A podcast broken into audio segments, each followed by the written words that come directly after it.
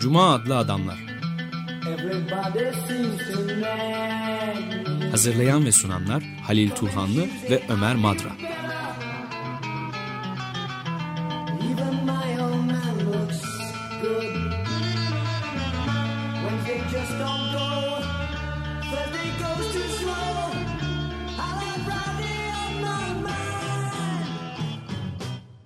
Merhaba Halil, hoş geldin. Teşekkürler. Ee, Bir konumuz var bugün bizle. Ee, İstanbul Üniversitesi Siyasal Bilgiler Fakültesi öğretim görevlisi İlkay Yılmaz. Ee, Doktor kitaplaşmış ve genişletilmiş doktora tezini konuşacağız kendisiyle. Konusu aslında kitabın künyesini Ömer Madra verecek daha sonra. Geç Osmanlı'dan başlayarak denetleme e, nüfusa, tebaaya nüf- e, denetleme, nüf- hareketliliği kontrol altına alma çabaları. Şimdi ilk hemen çok soru var. Kapsamlı bir çalışma aslında. Hoş geldiniz diyeyim ben de. Hoş bulduk, teşekkürler. İkinci Abdülhamit döneminde alınan bu tedbirler aslında biraz daha geriye gidiyor galiba. Türkiye'nin Osmanlı'nın modernleşme çabalarının bir parçası ikinci Abdülhamit. Hem modernleşmeci hem de de çok baskıcı bir dönem dönem baş dönem devam ediyor. İkinci Mahmut'la başlatabiliriz herhalde bunu. Modernleşme de böyle bir şey galiba. Denetlemek, e, nüfusu denetlemek e, ve kontrol altına almak. Reformlar dedikleri biraz da denetlemeyi, baskıyı e, içeriyor galiba. Evet aslında öyle bir şey var. Yani bir yandan karşımızda şöyle bir e, yapı var. Geleneksel e, devlet mekanizması artık işlerliğini yitirmiş durumda. E, ciddi anlamda bir meşruiyet krizi var. E, bir yandan devlet yani Osmanlı Devleti gibi o kadar büyük bir coğrafyaya aslında hükmetmeye çalışan devlet... Hani neredeyse e, işte 18. yüzyılın başına kadar hatta ortasına kadar aracı kur, aracı kurumları, aracı kişileri kullanarak topluma nüfuz etmeden e, oradaki toplumu ve bu da çok heterojen bir toplum e, yönetmeye çalışmış ve çok geniş bir coğrafya dediğim gibi. Fakat artık bu işlerliğini yitiriyor ve e, yavaş yavaş biz devletin e, bir takım idari reformlarla birlikte değiştiğini görüyoruz. Bu ne demek? Yeni bir sürü daha doğrusu devletin daha önceki dönemde işlev alanına girmeyen, e, dert edinmediği bir sürü meseleyi dert edinmeye başladığını. Dolayısıyla böylelikle o kamu yönetimi e, ağının genişlediğini e, ve aşağıya doğru yani teker teker bireylere doğru inmeye çalıştığını görüyoruz. Şimdi burada yine iki temel şey var. Şiddet kullanımı yani zor politikaları ve meşruiyet politikaları. E, bu e, idari yapılanmada da karşımıza aslında tıpkı böyle çıkıyor. Bir yandan e, teker teker bireylerin şikayetlerini alabilecek bir mekanizma, onların ihtiyaçlarını karşılayabilecek bir mekanizma olarak da yorumlanabilir e, modern devlet. Bir yandan da aslında teker teker bireylerin bedensel bütünlüğüne kadar aslında müdahale eden bir e, mekanizma olarak da karşımıza çıkıyor. biyopolitikada başlangıcı sayabilir miyiz? Aslında biraz öyle. Çünkü ilk defa biz hani 2. Mahmut döneminden itibaren alırsak işte nüfus sayımları başlıyor. Bu ne demek? Devlet e, kendi coğrafyası içinde yaşayan e, nüfusu merak etmeye, onlara onlara ilişkin kayıt tutmaya başlıyor. Bunun en temel sebebi de şu. Çünkü bu yönetmek için yani yönetmek için bunları bu bu tür bilgiye ihtiyacı var. İşte ne bileyim e, ikametgahın bilinmesine dair yeni prosedürler ortaya çıkıyor. İşte mesela ihtisap nezareti gibi bir nezaret evet. kuruluyor. İşte pasaportlar ki benim doktor tezim büyük oranda pasaport düzenlemelerini ve uygulamalarını kapsıyor. İşte pasaportlar yani o coğrafi hareketlilik kontrolü dediğimiz şey o ortaya çıkıyor. Ee, işte yeni bir jandarma ve polis teşkilatı kurulmaya Muhtarlık çalışılıyor. keza. Muhtarlık evet ya zaten yerellere baktığımızda e, o geleneksel yapı büyük oranda e, işte eğer Müslüman bir birim varsa imamlar işte Yahudiler için rabiler yani hahamlar e, işte Hristiyan unsurlar için daha çok papazlardan oluşan küçük e, sosyal kontrol birimleri. İşte herkes birbirine kefil olur. Ee, en son işte köyün imamı herkese kefil olur vesaire. Bu yukarıya doğru çıkan bir kefalet aslında zinciri. Ee, e, İkinci Mahmut dönemine baktığımızda bu sefer hani muhtarlar Evet. yavaş yavaş imamın yerine geçmeye başlayacak. Bu aynı zamanda bir modernleşme değil mi? Avrupa'dakine paralel bir şey mi? Evet aslında Biraz öyle. gecikmeyle de olsa. Ee, her zaman da gecikmeli değil aslında. Yani bazen çok eş zamanlı olarak da karşımıza çıkıyor. Çünkü bunlar e, illaki Avrupa'daki modeli örnek alıp burada uygulanan şeyler değil. Bir yandan da aslında ihtiyacına dönük olarak da bunları yeniden şekillendiriyor. Mesela mürür tezkeresi dediğimiz iç pasaportlar e, bakıyoruz Celal isyanlarında da aslında böyle bir benzeri bir şey karşımıza çıkıyor. Orada bir yandan köylüyü e, tarımsal üretim devam etmesi için orada tutmaya çalışıyor. Bir yandan kamu düzenini ve güvenliği sağlamaya çalışıyor aynı belgelerle. E şimdi gelenekselden aldığı ve modern döneme devşirdiği bir takım mekanizmalar ve e, uygulamalar da var. Dolayısıyla her zaman Osmanlı modernleşmesi açısından devlete baktığımızda süreç birebir batıdakini alarak olmuyor. Yani en azından benim e, izlenimim öyle. Bu e, Abdü, ikinci Abdülhamit döneminin bir özelliği var. E, Heteroje imparatorluğun dağılma süreci başlıyor aslında yavaş yavaş. Balkanlardaki milliyetçi hareketler. Burada heterojenliğin sonu bir anlamda. E, bunu e, nüfusu bir arada tutabilmek için, e, tebaayı bir arada tutabilmek için ikinci Abdülhamit döneminde görülen panzehir diyelim, pan İslamizm. Daha sonra İttihatçılar pan Türkçülüğe sarılıyorlar. Ben bir anlamda ilk bakışta pan İslamizm daha kabileciliği içermediği için, kabileci olmadığı için daha kucaklayıcıymış gibi görülebiliyor. Ama daha sonra benim aklıma geldi. Hannah Arendt'in söylediği pan hareketler hep böyle kabileci, hep bölücü, hep e, kıyımcı olduğunu e, dair bir tezi vardır onun. Siz de katılıyor musunuz buna? Asimilasyon politikaları ne olursa olsun, İslamcılık olsun, din temelinde olsun, milliyetçilik temelinde olsun, hep kıyıma yönelik, kıyımla sonuçlanan e, politikalar. En azından şöyle söylenebilir Osmanlı coğrafyasında maalesef ki böyle tezahür ediyor. Yani bir yandan şöyle bir şey var. İkinci Abdülhamit dönemine baktığımızda çok ciddi oranda e, dönemin başında çok ciddi oranda bir toprak kaybıyla biz Evet. karşı karşıyayız ve özellikle Balkanlardaki toprak kayıpları yalnızca toprak kaybı anlamına gelmiyor. O topraklar üstünde yaşayan e, büyük oranda Hristiyanlardan oluşan nüfusu da kaybetmiş oluyor. Ve dolayısıyla tekrar bir bu arada tabii ki yine Balkanlardan ve Kafkaslardan ciddi oranda bir Müslüman göçmen aslında mülteciler var. Yani çok ciddi bir mülteci sorunu var 2. Abdülhamit döneminde. Ve e, kendi yönetimi altındaki nüfusa baktığında yine de Hristiyanların ya da gayrimüslimlerin demek daha doğru e, nüfusta yine de azımsanmayacak oranda gayrimüslim var. E, ve fakat e, bu oran Müslümanlar lehine değişmiş durumda. Ve dolayısıyla birleştirici bir unsur olarak çünkü bir yandan da dönemin başında parlamentoyu kapatıyor. Dolayısıyla aslında temsille birlikte yavaş yavaş o temsili e, temsille birlikte kurduğu yeni meşruiyet aurasını da yitirmiş oluyor. Ve yeni bir meşruiyet e, e, mekanizmasına ihtiyaç duyuyor. Ve bu e, karşısındaki nüfus tablosuyla birlikte de burada seçtiği şey aslında İslamcılık. Ve bu aslında iki türlü bir e, nasıl söyleyeyim e, iki türlü iki şekilde analiz edilebilir. Bir e, İslam'ın da aslında e, tek bir e, eğilimini tercih ediyor. İşte Sü- Sünni Hanefi İslam'ı tercih ediyor ve bunu da kendi yorumladığı gibi. Dolayısıyla aslında devlet bizim karşımıza ilk defa şöyle çıkıyor. Bir e, dini anlamda bir homojenleştirme politikası var. Dolayısıyla İslam'ı da homojenleştirme yönünde bir eğilim var. Ee, ve dolayısıyla Müslüman unsurları da bu homojenleştirdiği İslam çerçevesinde yine homojenleştirmeye çalışıyor. Dolayısıyla hani bu e, yerellerde de aslında sorunlu bir durum yaratıla, yaratabilecek potansiyele sahip. Bir yandan e, bu şu demek e, gayrimüslim unsurları böylelikle ister istemez o meşruiyet ağının dışında bırakmış oluyor. Ee, ve dolayısıyla burada karşımıza yeni tür bir ikincileştirme e, çıkıyor. Üçüncü olarak da aslında belki evet üçüncüyü eklemek de doğru. Dışarıya karşı bir diplomasi e, politikası olarak da bunu kullanıyor. Özellikle e, kendi toprakları dışındaki Müslümanları etkilemek açısından bu özellikle İngiltere ve işte Hindistan meselesi düşünüldüğünde bu hep elinde bir koz olarak kalacak.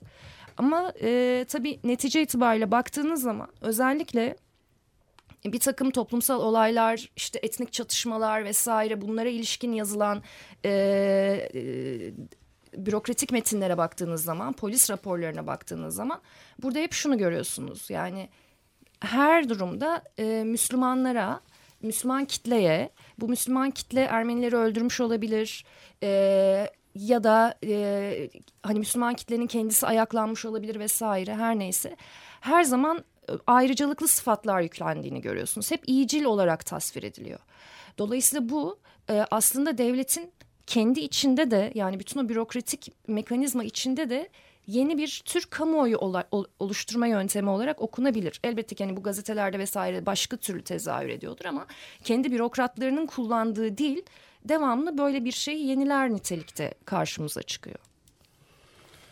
Evet, peki bu e, şeyi de sor yani Ermenilerden demin söz ettiniz mesela 1896 galiba değil mi? Adana e, şeyleri. Hatta yani itaatçılara e, mal edilen işte soykırım ya da büyük e, tehcir meselesi aslında kökenini bu sizin de ele aldığınız kitap hem kitapta hem de biraz önce söylediğiniz çerçeve içinde çok daha önceden başlamış bir homojenleştirme politikasında bir parçası olarak karşımıza çıkıyor.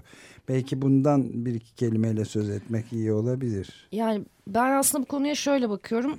Ee, bütün o 1915'e soykırıma giden süreç e, bence 1878'den itibaren başlatılabilir yani Berlin Konferansı e, ve Berlin Anlaşması. Çünkü biz Berlin Anlaşması'nda ilk kez Ayasofyanos'ta da var ama hani Berlin Anlaşması netice itibariyle uygulanan anlaşma 61. maddesi yanlış hatırlamıyorsam ee, Doğu vilayetlerinde altı vilayette özellikle Ermenilerin yaşadığı vilayetler bunlar ve e, Ermeni cemaatinin de ismi zikredilerek ve hatta bir Ermeni temsilcisi de var yanlış hatırlamıyorsam şeyde konferansta e, buralarda bir e, reform yapılması talep ediliyor. Ve e, İkinci Abdülhamit e, hükümetinin verdiği cevap da şu, e, tamam biz buralarda bir reform gerçekleştiririz ve bu e, iki tür bir reform olacak. E, jandarma ve e, vergi reformu yani güvenlik ve vergi reformu. Çünkü öncesi, önceki dönemden itibaren zaten e, özellikle taşra Ermenilerinin çok ciddi sorunları var. Bunlardan biri çifte vergilendirme meselesi özellikle işte Tanzimat'tan itibaren gelen bir süreç bu tabii. Bir yandan da yine 2. Mahmut döneminde büyük Kürt mirlerinin ortadan kaldırılması ve oradaki taşra idaresinin değiştirilmeye çalışılması. Çünkü merkezileştirmeye çalışıyor devlet aslında bir yandan da bunu uyguluyor uygulayamıyor o başka bir şey.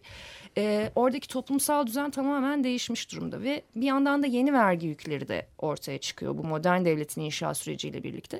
Dolayısıyla bir yandan e, Kürt aşiretlerine gayri resmi vergiler veren bir Ermeni köylüsü var. Bir yandan resmi vergilerini ödeyen Ermeni köylüsü var. Bir yandan kamu düzeni bir türlü sağlanamadığı için devamlı özellikle aşiretlerin saldırısı altındalar ve bu mesele bir türlü çözülemiyor ve biz baktığımızda aslında Ermeni cemaatinin bu konuda bir rapor hazırladığını, merkeze sunduğunu görüyoruz. Hatta iki rapor hazırlanıyor. Fakat ikisine de bir türlü e, olumlu ya da olumsuz hiçbir cevap alınamıyor. Çünkü bir yandan da şöyle bir gerçeklik var.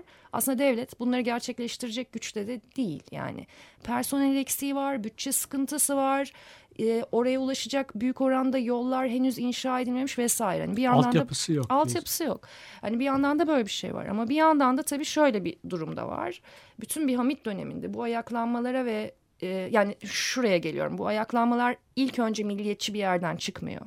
Fakat onu sordum e, de. evet il, ilk önce milliyetçi bir yerden çıkmıyor. Fakat gittikçe milliyetçileşiyorlar. Fakat bunlar yine e, bu ayaklanmaları mesela Balkanlardaki ayaklanmalarla karşılaştırdığınızda Balkanlardaki köylü büyük oranda daha silahlı bir köylü. Ermenilere baktığınızda silah taşıma oranı o kadar yüksek değil. Ee, ve yine e, yeni yeni e, yani Ermeni cemaatinin kendi içinde de bir modernleşme süreci var. Bununla birlikte bir yandan cemaat yönetimi tanzimattan itibaren değişiyor. Bir yandan da e, genç e, tırnak içinde belki aydın diyebileceğimiz bir e, Ermeni nüfusu ortaya çıkmaya başlıyor. E, ve bunlar gittikçe de politize oluyorlar. E, ve baktığınızda artık e, en son 1880'lerde biz e, devrimci Ermeni 80'lerin sonundan itibaren devrimci Ermeni örgütleri görmeye başlıyoruz. E, ve e, yine bu eylemlere baktığımızda mesela 1890'da işte Kumkapı Nümayişi e, Hınçaklar tarafından örgütleniyor. E, 1895'te Baba Ali yürüyüşü vesaire. Bunlar bir yandan da aslında e, cemaatin kendi örgütlenmesi yani Ermeni millet sistemi içinde baktığınızda orada resmi olarak e, devlet tarafından aktör olarak tanınmayan örgütler tarafından organize edilmiş e, yürüyüşler. Ve dolayısıyla burada devlet açısından şöyle bir şey de çıkıyor. Aktör olarak saymadığı e, yeni bir takım örgütler var.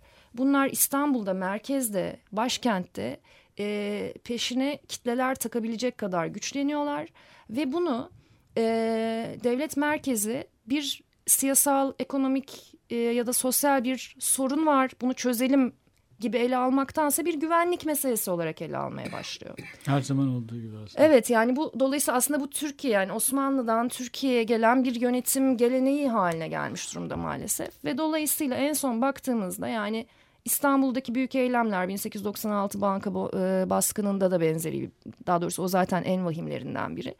Bu eylemler hemen ertesinde pogromlarla neticeleniyor. İşte 1894-1896 olayları, işte Zaytun e, isyanı, yine Bitlis e, aynı Adana vesaire. Hani tüm bunlara baktığımızda karşımızda böyle bir şey var ve ölü olan oranlarını karşılaştırdığımızda yani bir yandan devlette bir de şöyle bir şey de var. Osmanlı e, 2. Abdülhamit döneminde e, işte ilk e, kim taşı ilk kim attı? Hep ilk ona bakıyor ve dolayısıyla bu güvenlik meselesini inşa ederken de oradan inşa ediyor. Ama Şiddetini meşrulaştırıyor aslında. evet aynen öyle ama asla şeyi sormuyor. Bu taş neden atıldı? Evet.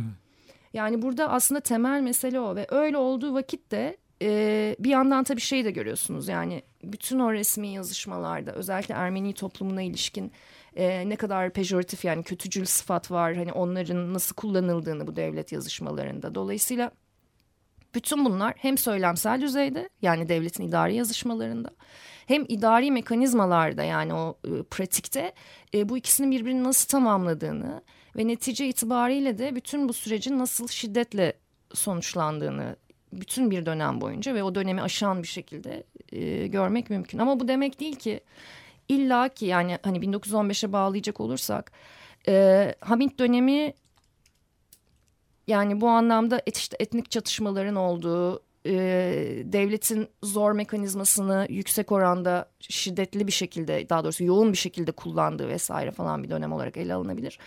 Ama yine de illaki 1915 olmak zorunda değildi. Hani bir yandan böyle bir şey de var. Ama maalesef hani baktığımızda evet bir en son Ermeni reform e, taleplerine devletin verdiği yanıt e, soykırım oluyor.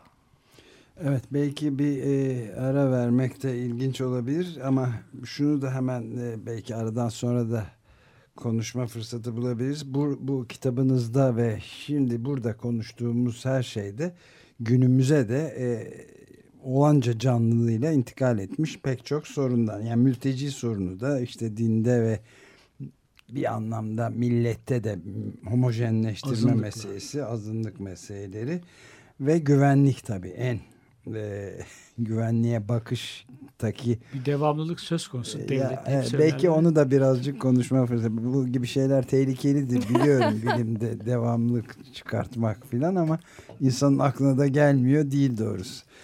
Evet e, İlkay Yılmaz'la konuşmamıza devam edeceğiz ama bir nefes almak için Jim Carroll'dan People Who Died adlı parçayı dinliyoruz.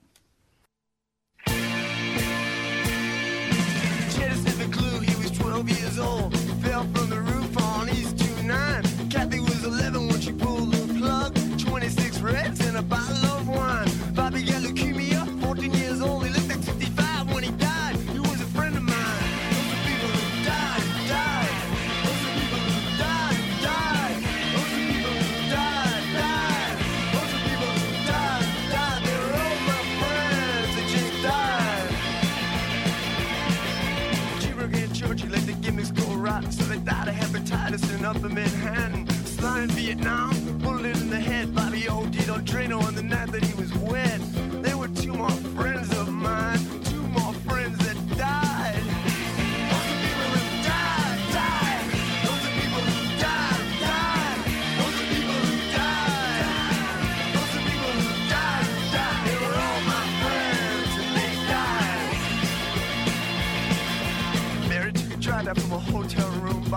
himself from a cell in the tombs. Judy jumped in front of a subway train. Eddie got slit in the jugular vein. And Eddie, I miss you more than all the others.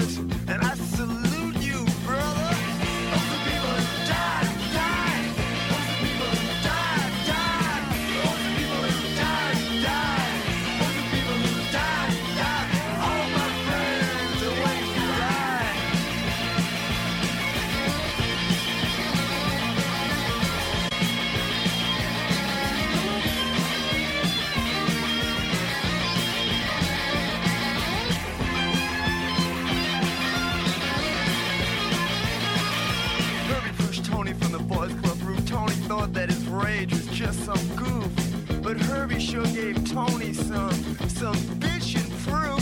Hey, Herbie said, Tony, can you fly? But Tony couldn't fly. Tony died. People who died, died. People who died, died. People who died, died. People who died, died. All my friends and died. Brian got busted on a narco rap. He beat the rap by ratting on some bikers. Said, hey, I know it's dangerous, but it sure beats Rikers. But the next day, he got offed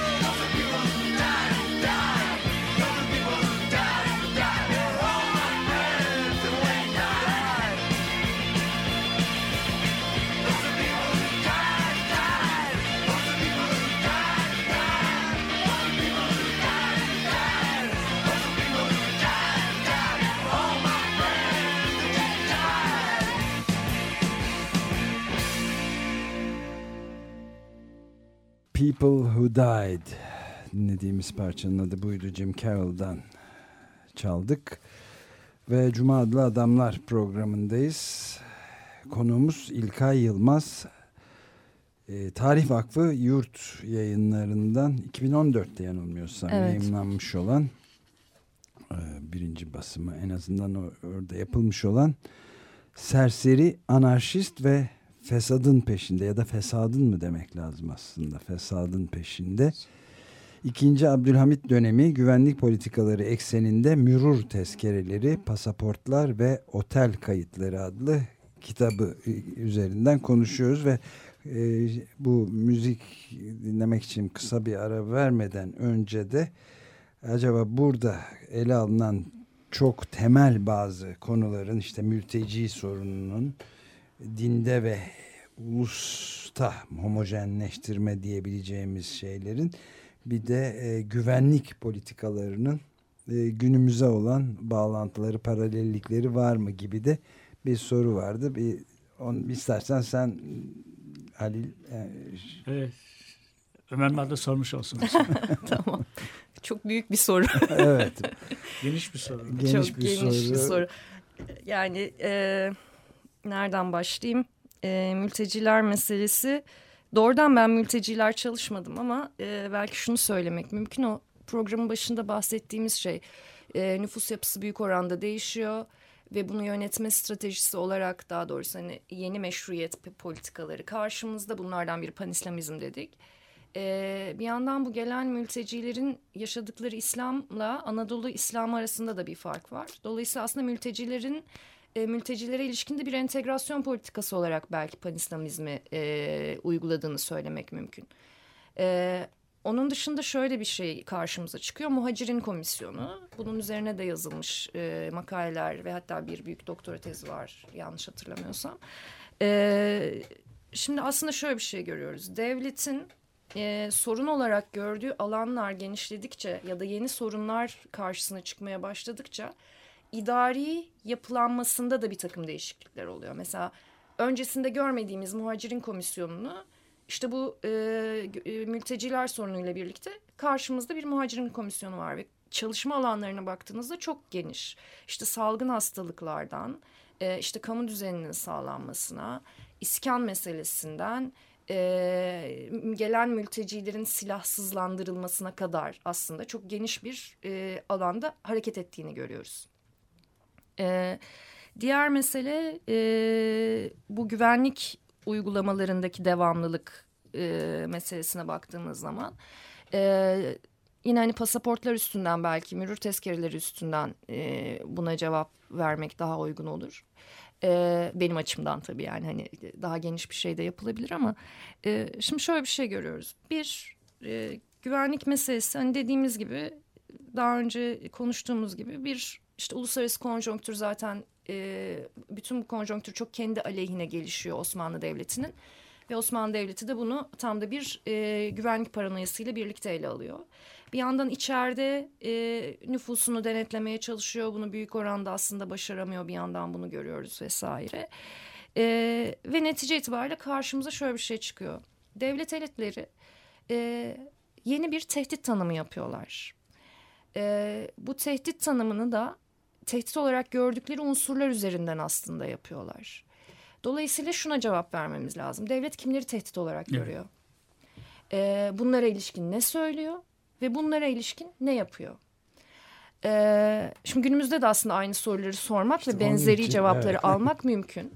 Ee, ikinci Abdülhamit dönemine gel baktığımızda bir Ermenileri tehdit olarak görüyor. Burada da şöyle bir şey yapma becerisinden yoksun. Ee, büyük oranda yoksun. Ee, örgütlü e, Ermenilerle e, örgütsüz sıradan Ermeniler arasında bir fark görmüyor ve dönemin sonunda zaten aslında topyekün hepsini fesat olarak nitelendiriyor. Yani aslında dönemin başına itibaren böyle bir şey var. E, örgütlü Ermenilere ilişkin de tabii şöyle bir şey var. En başta söylediğim şey e, asla ne talep ettiklerin konusunda açık değil. Öyle bir şey yok. Hani öyle bir devlet e, yapısı yok. Ve dolayısıyla e, örgütlü Ermenilerin arkasındaki halk desteğini anlama konusunda da bir zafiyete düşüyor. Bulgarları özellikle e, Bulgar komitacıları tehdit olarak görüyor. E, ve Avrupalı sezonluk işçileri tehdit olarak görüyor. Bunların başında İtalyanlar çekiyor. Çünkü İtalyanlar o dönemde e, özellikle e, Avrupa'daki suikast girişimlerine yani eylemle propaganda dediğimiz şey aslında propaganda by deed. E, bunlara bakıldığında büyük oranda Avrupa'nın dört bir yanında İtalyan anarşistlerin bunların büyük bir kısmını da aslında işçi sınıfı İtalyanlar oluşturuyor. E, ve bunlar yine sezonluk işçiler. Onların yaptığını görüyoruz. Tabii ilk eylemler aslında Rusya'da başlıyor Narodnaya Volya fakat bunun büyük bir etkisi oluyor. E, dolayısıyla dönemin kaybedenleri e, politik anlamda e, işte sosyal haklar anlamında vesaire daha fazla şey talep edenler e, giderek marjinalleştiriliyorlar. Bu sadece Osmanlı açısından değil Avrupa'da da benzeri bir politik süreç işliyor. E, ve bunlara ilişkin yeni bir takım yasal düzenlemeler karşımıza çıkıyor. E, bunların artık hani belki şahikası diyebileceğimiz şey Interpol'ün öncü konferanslarından biri olan Roma'da 1899'da yanlış hatırlamıyorsam evet e, toplanan anti-anarşist konferans. E, Avusturya Macaristan İmparatoriçesi e, bir İtalyan tarafından harçerleniyor ve bunun üzerine de e, Roma'da İtalyan hükümetinin çağrısıyla bir anti-anarşist konferans toplanıyor. E, ve Osmanlı Devleti de buraya gidiyor. E, burada işte temel meselelerden biri anarşizmin nasıl tarif edileceği. İşte biz anarşizmi mi e, tarif edeceğiz, anarşisti mi tarif edeceğiz yoksa anarşist eylemi mi tarif edeceğiz ve en son anarşist eylemi tarif etmeye karar veriyorlar ve bütün bu konferans boyunca şeyi tartışıyorlar. Hani ortaklaşa yani daha doğrusu polis sisteminin e, standartlaşması e, ve farklı polis birimleri arasında haberleşmenin sağlanması e, ve politik suçlulara ne yapılacağı meselesi yani bunlar tartışılmaya başlanıyor. E, ve Osmanlı Devleti de dediğim gibi bunu yakından takip ediyor. Ve geriye dön döndüğümüzde yani bunun hepsini bu işte tehdit tanımı nasıl yapılıyor meselesine bağlayacağım. O yüzden anlatıyorum. Geriye dönüp baktığımızda Osmanlı Devleti önce e, şöyle bir şey yapıyor. E, konferans kararlarından biri o zaten. E, bir anarşist yasası yani anti anarşist bir yasanın hazırlanması talep ediliyor. Zaten hali hazırda bazı ülkelerde bu var. E, Osmanlı temsilcileri de bu yönde bir rapor yazıyorlar ve e, yine bir komisyon toplanıyor ve bir anti anarşist yasa taslağı çıkıyor. Fakat bu sadarete gittiğinde e, bu taslak ve yani bayağı da şey yani ayrıntılı bir komisyon raporu da var bu taslağa ilişkin. E, Sadaretten en son şöyle bir cevap geliyor. Bizim böyle bir şey yapmamıza gerek yok. Biz zaten e, ceza kanunnameyi hümayununda yani ceza kanununda devlete karşı suçlar adı altında bunların hepsini zaten şey yapmış durumdayız yani e, nasıl söyleyeyim e, teker teker ele almış durumdayız. Ama tabii burada şöyle bir ikircikli durum var. E, konferansta e, anarşizm daha doğrusu anarşist eylem özellikle bir politik eylem olarak tanımlanmıyor. O politikleştiriliyor.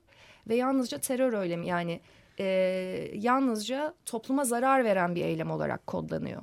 Ama Osmanlı'ya geldiğimizde aslında Osmanlı Devlet Merkezi e, bir yandan da böyle yaparak e, bütün bu eylemleri apolitikleştirmemiş oluyor. Yani burada aslında şimdi de günümüzde içinde yaşadığımız şey de tam Çok da bu. tam bu işte. Peki bu noktada bir küçük iç parantez açayım.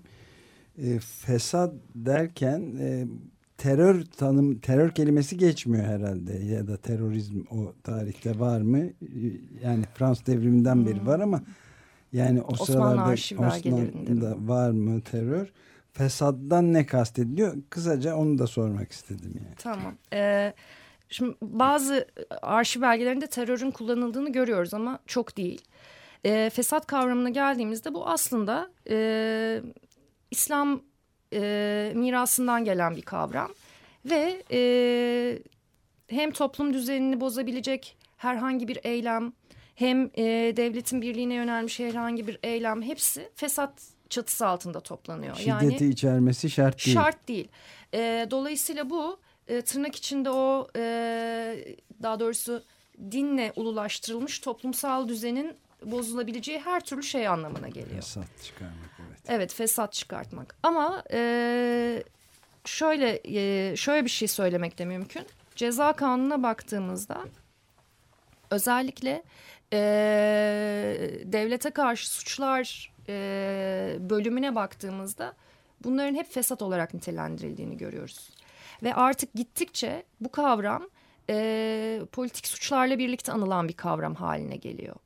E, ve e, yine yani alt düzey devlet yazışmalarına baktığımızda da özellikle anarşizm ve fesat bazen birbiri yerine kullanılan e, bazen de birlikte kullanılan sıfatlar haline geliyorlar. Dolayısıyla bir yandan fesat hem aslında ceza kanununda yer alan bir şey hem de gündelik yazışmalarda o kadar geniş bir kullanım alanı var ki. Ve hatta şöyle bir şey oluyor yani e, genelde Osmanlı yazışmalarında hep ikili kullanım vardır. Yani işte e, başka örneklerde de var bu. E, işte serseri ve anarşist, e, anarşist ve fesat, işte serseri ve fesat falan hep bu şekilde e, karşımıza çıkıyor bu kullanım. Yani genellikle tek başına fesadı görmüyoruz.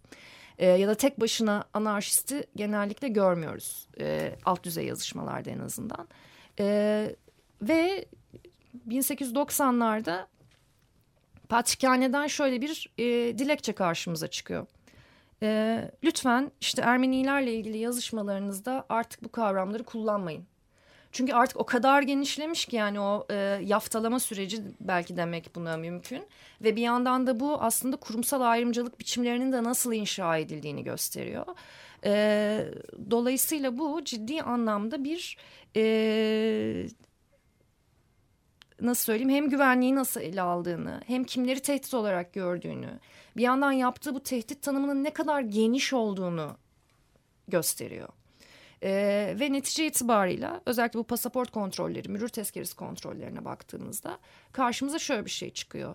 Ee, özellikle Ermenilerin çok sık kontrol edildiğini, e, Ermenilere ilişkin ayrı listeler tutulduğunu, tabii ki millet sistemi içinde her unsura ilişkin farklı listeleme yöntemleri var ama mesela Ermenilerinki daha ayrıntılı bir şekilde karşımıza çıkıyor.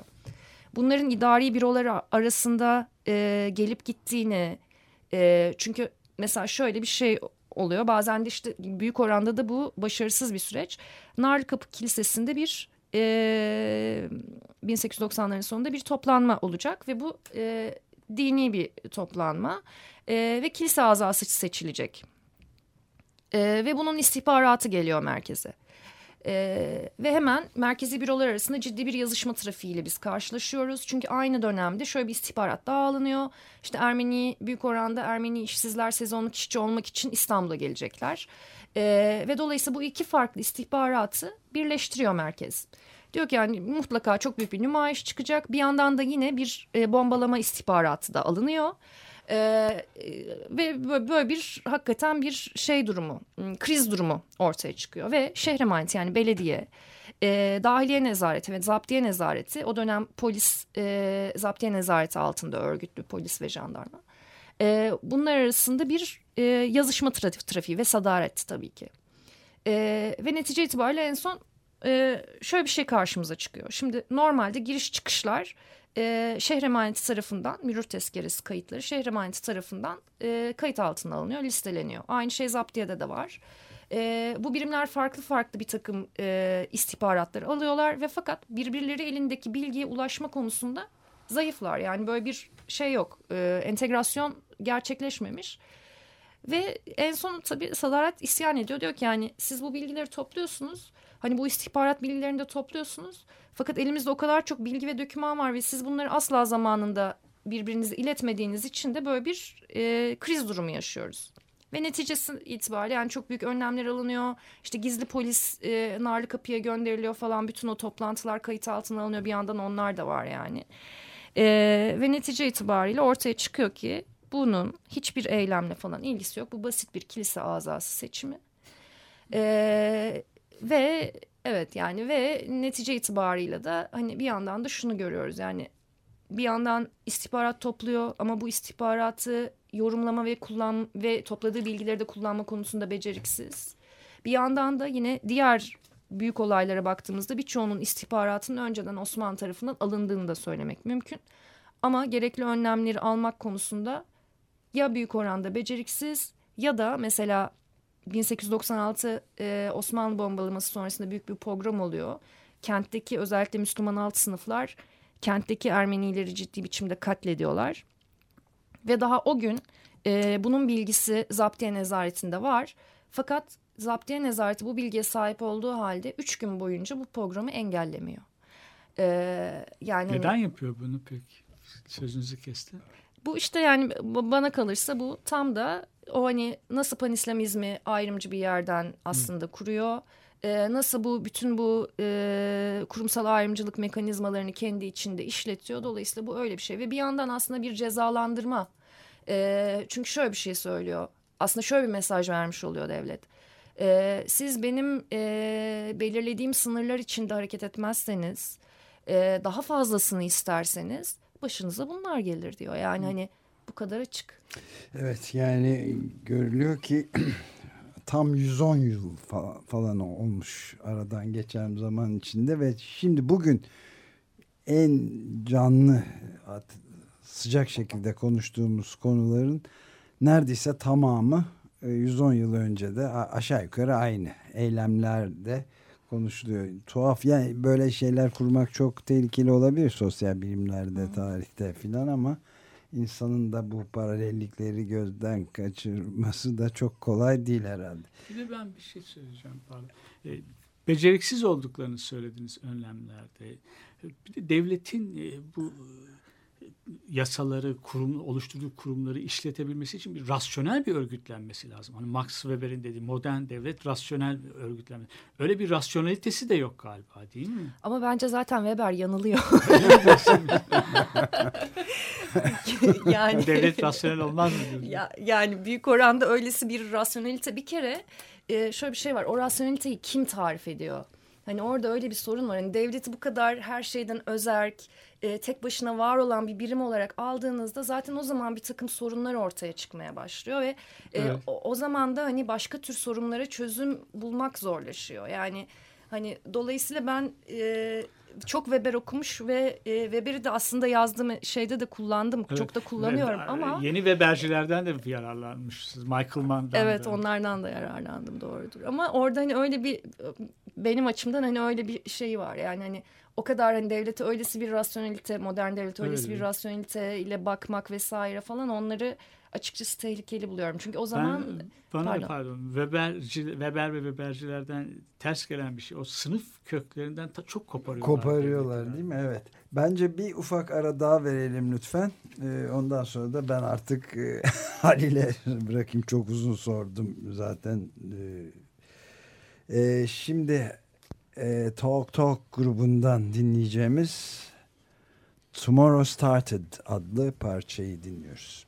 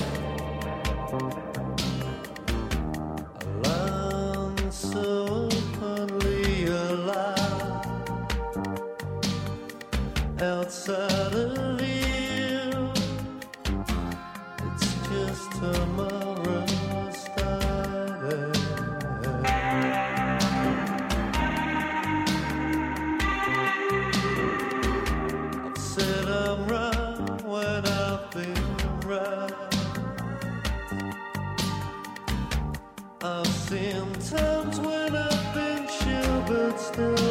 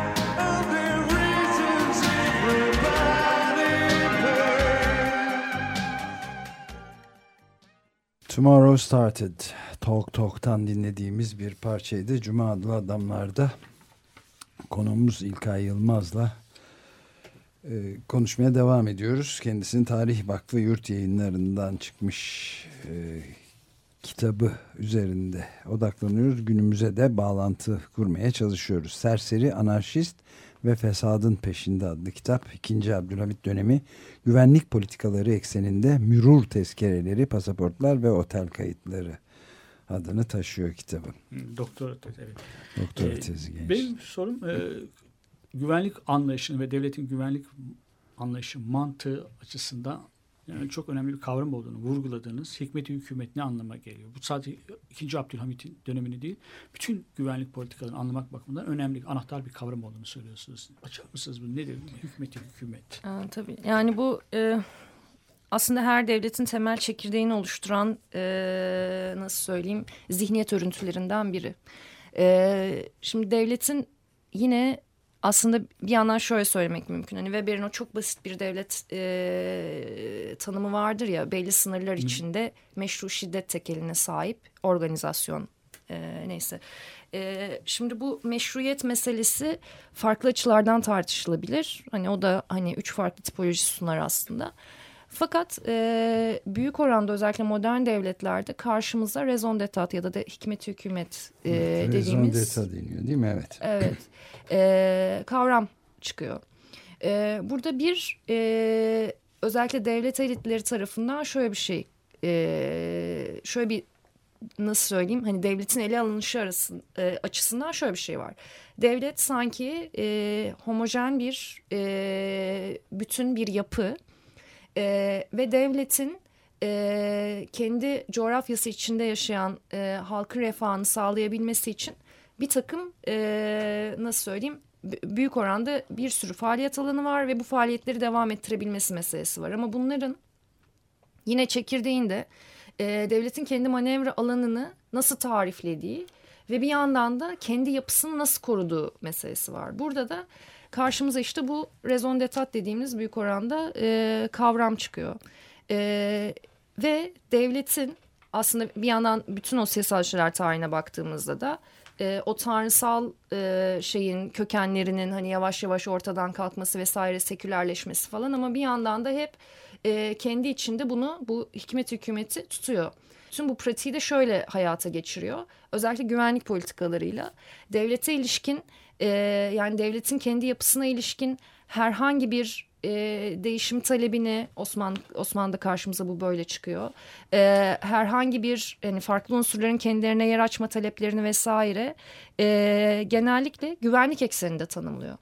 Dolayısıyla biraz hani Schmittian bir yerden e, tarif edeceğim ama dolayısıyla bir tür aslında e, dost düş- düşman ayrımı yapıyor. Evet. Ee, ve dolayısıyla bütün o politikalarını da buna ilişkin gel- e, geliştiriyor ve e, bu şu demek Neoklaus'un aslında söylediği özellikle bu devleti tahayyül etmek diye de Türkçe'ye çevrildiği Imagining the State e, mesela orada hani aslında bütün bir liberal devlet teorisinin de hani şey der o e, liberalizm e, genellikle eşitlik özgürlük çatışması üzerinden tartışılır. Oysa ki mesele aslında güvenlik meselesidir e, güvenlik özgürlük çatışmasıdır. Hani Hobbes'tan itibaren aldığımızda da aslında çok ciddi anlamda böyle bir tartışma var bütün o e, e, nasıl söyleyeyim siyasal düşünceler metinlerinde. E, ve baktığımızda modern devletin inşa süreciyle hani iki tür şey belki ayırmak lazım. Bir hani politik düşünce dünyası bir de politik kurumlar. Fakat bunları hep birbirlerini etkileyen iki temel yapı. Ee, Osmanlı'ya geldiğimizde bir yandan tabii ki bu düşünce dünyasından ve bu politik kurumlardan etkileniyor ama bir yandan da kendi daha antik zamanlı antik demeyeyim ona ama hani klasik zamanlarından itibaren taşıdığı bir daire adalet meselesi var. Ve Osmanlı aslında bu ikisini birleştiriyor Hamit döneminde. Ee, ve dolayısıyla bu güvenlik meselesi her zaman devletin çekirdeğinde ee, ve şiddet kullanımı noktasında da her zaman yatsınamaz öneme haiz bir şey olarak karşımıza çıkıyor. Ve siz de merkeze bunu koyduğunuz vakit bu sefer ee, bütün o sosyopolitik olayları, ekonomik olayları vesaire bir noktada hep bu devletin bekası meselesine bağlamış oluyorsunuz. Ve böyle olduğu zaman da bütün bunları güvenlik meselesi olarak görmeye başlıyorsunuz. Ve dolayısıyla aldığınız önlemler ya da sunduğunuz çözümler de güvenlik politikası ekseninde şekilleniyor. Ve bu tabii ki beraberinde şiddet kullanımını getiriyor. Ve burada da karşımıza şöyle bir şey çıkıyor. Aslında meşru şiddet tekeli diye tanımlıyor ama Weber bir yandan da aslında şiddetin kullanımının ve araçlarının meşrulaştırılması süreci var. Dolayısıyla bu devleti de, yani hikmet hükümet ya da raison d'etat dediğimiz şeyi bir yandan da aslında bu, bununla birlikte tartışıyor olmak lazım. Yani şimdi bugün de aslında karşımıza çıkan mesele tam da bu. Kendi şiddetini meşrulaştırabilmek için aslında e, herhangi bir meseleyi e, ya da herhangi bir olayı yine güvenlik ekseninde tanımlıyor. Devlete karşı bir suç gibi aslında bunu hani böyle yargılama yapmasa ki aslında yapıyor ama yani hani bunu böyle e, hukuken bu düzlemde ele almasa bile söylemsel düzeyde bizim karşımıza hep hani medya aracılığıyla özellikle hep bu çıkıyor. Evet yani e, bu o çok artık biraz da klişe haline gelmiş olan sözü de hatırlatıyor. Elinizde bir çekiç varsa her şeyi çivi olarak görmeye başlamanız gibi bir şey oluyor. Günümüzde de çok anlamlı tabii aslında. Evet yani birkaç dakikamız daha var. Pasaportlar çok kısa bir şey söyleyeceğim. Sizin özel- özellikle üzerinde durduğunuz seyahat özgürlüğünü düzenlediği zannedilir ama hiç de öyle değil aslında. Seyahat özgürlüğünü kısıtlayan bir şey pasaportlar. Evet. O zamandan bu yana da pek fazla bir şey değişmemiştir. Pasaport almaya başvur, için başvurduğunuzda devleti siz nasıl gördüğünüzde anlıyorsunuz. Hemen sakıncalı mısınız? Değil. 40 yıllık sizin unuttuğunuz şeyleri orada kayıt altına tutulmuş değil mi? Evet yani devlet asla hangi müziği dinlediğinizi merak etmez. Evet. Hangi rengi sevdiğinizi merak etmez. Devlet sizi kayıt altına alabilmek için annenizin babanızın adını merak eder. Nerede doğduğunuzu merak eder. Ee, ikametgahınızın nerede olduğunu merak eder. Hangi okullara gittiğinizi merak eder. Bunların hepsini kayıt altına alır. Bir suça karıştıysanız onların hepsini kayıt altına alır. Ve dolayısıyla pasaport sistemi aslında bütün bu polisiye sistemle birlikte düşünülmesi gereken bir şey. Yani bütün o ikametgah belgeleri, kimlik kartları, e, yani hani devletle ilgili bütün o kayıt alma sürecinin, dosyalama sürecinin bir parçası. E, ve bu dönemde özellikle hani seyahatlerin denetimi, e, dediğim gibi bu tehdit devletin algıladığı tehdit unsurlarının kontrol edilmesi anlamında önemli. Ama mesela şey İttihat ve Terakki dönemine geldiğimizde bunlar özellikle bu iç pasaport yani 1909'dan itibaren iç pasaport e, mürür tezkeresini kaldırmak yönünde bir e, tartışma yaşanıyor mecliste. Ve işte seyahat özgürlüğü vesaire vesaire üstünden.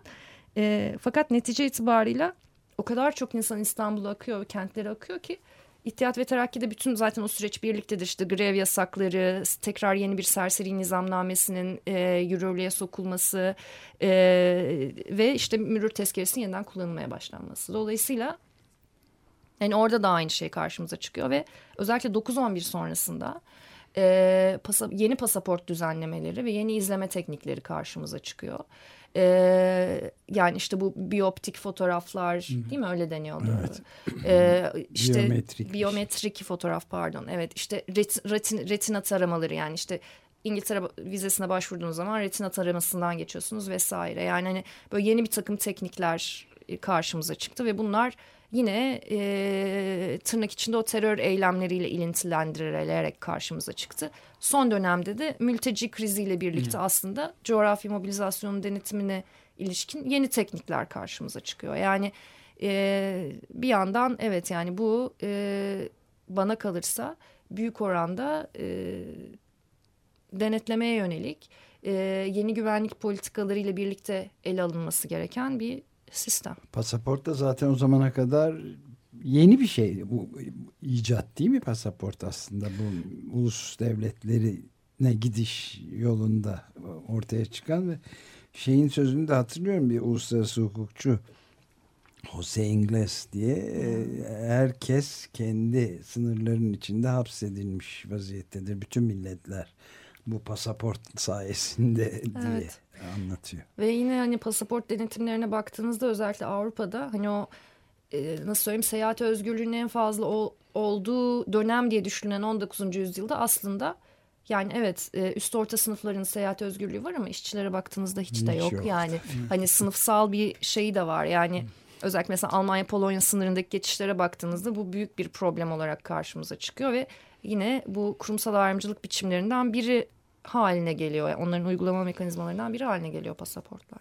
Evet peki galiba bitiriyoruz. Ee, çok teşekkür ederiz. Teşekkür ederiz. Ben teşekkür ederim. İlkay Yılmaz da serseri anarşist ve fesadın peşinde. İkinci Abdülhamit dönemi güvenlik politikaları ekseninde mürur tezkereleri, pasaportlar ve otel kayıtları adlı kitabı Tarih Vakfı Yurt Yayınları'ndan çıkmış. Bunu tartıştık. Günümüze olan bağlantılarını da gözden kaçırmamaya çalıştık. Çok, sayenizde bayağı bir kitabı okumadım ama e, büyük bir e, bilgi edinme fırsatım oldu. Çok teşekkür ederiz. Bitirirken de belki e, bir parça daha bir miktar çalabilme imkanımız var. The Fall'dan I Can Hear the Grass Grown diye e, bitiriyoruz. Hoşçakalın. Hepinize günaydın.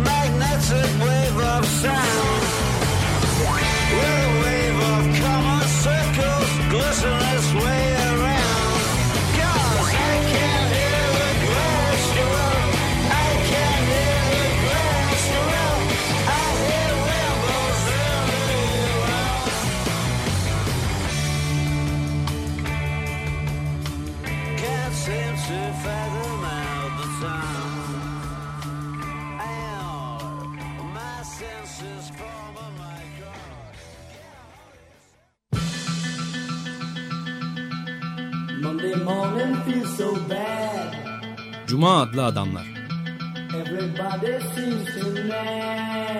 Hazırlayan ve sunanlar Halil Turhanlı ve Ömer Madra. Even my old man looks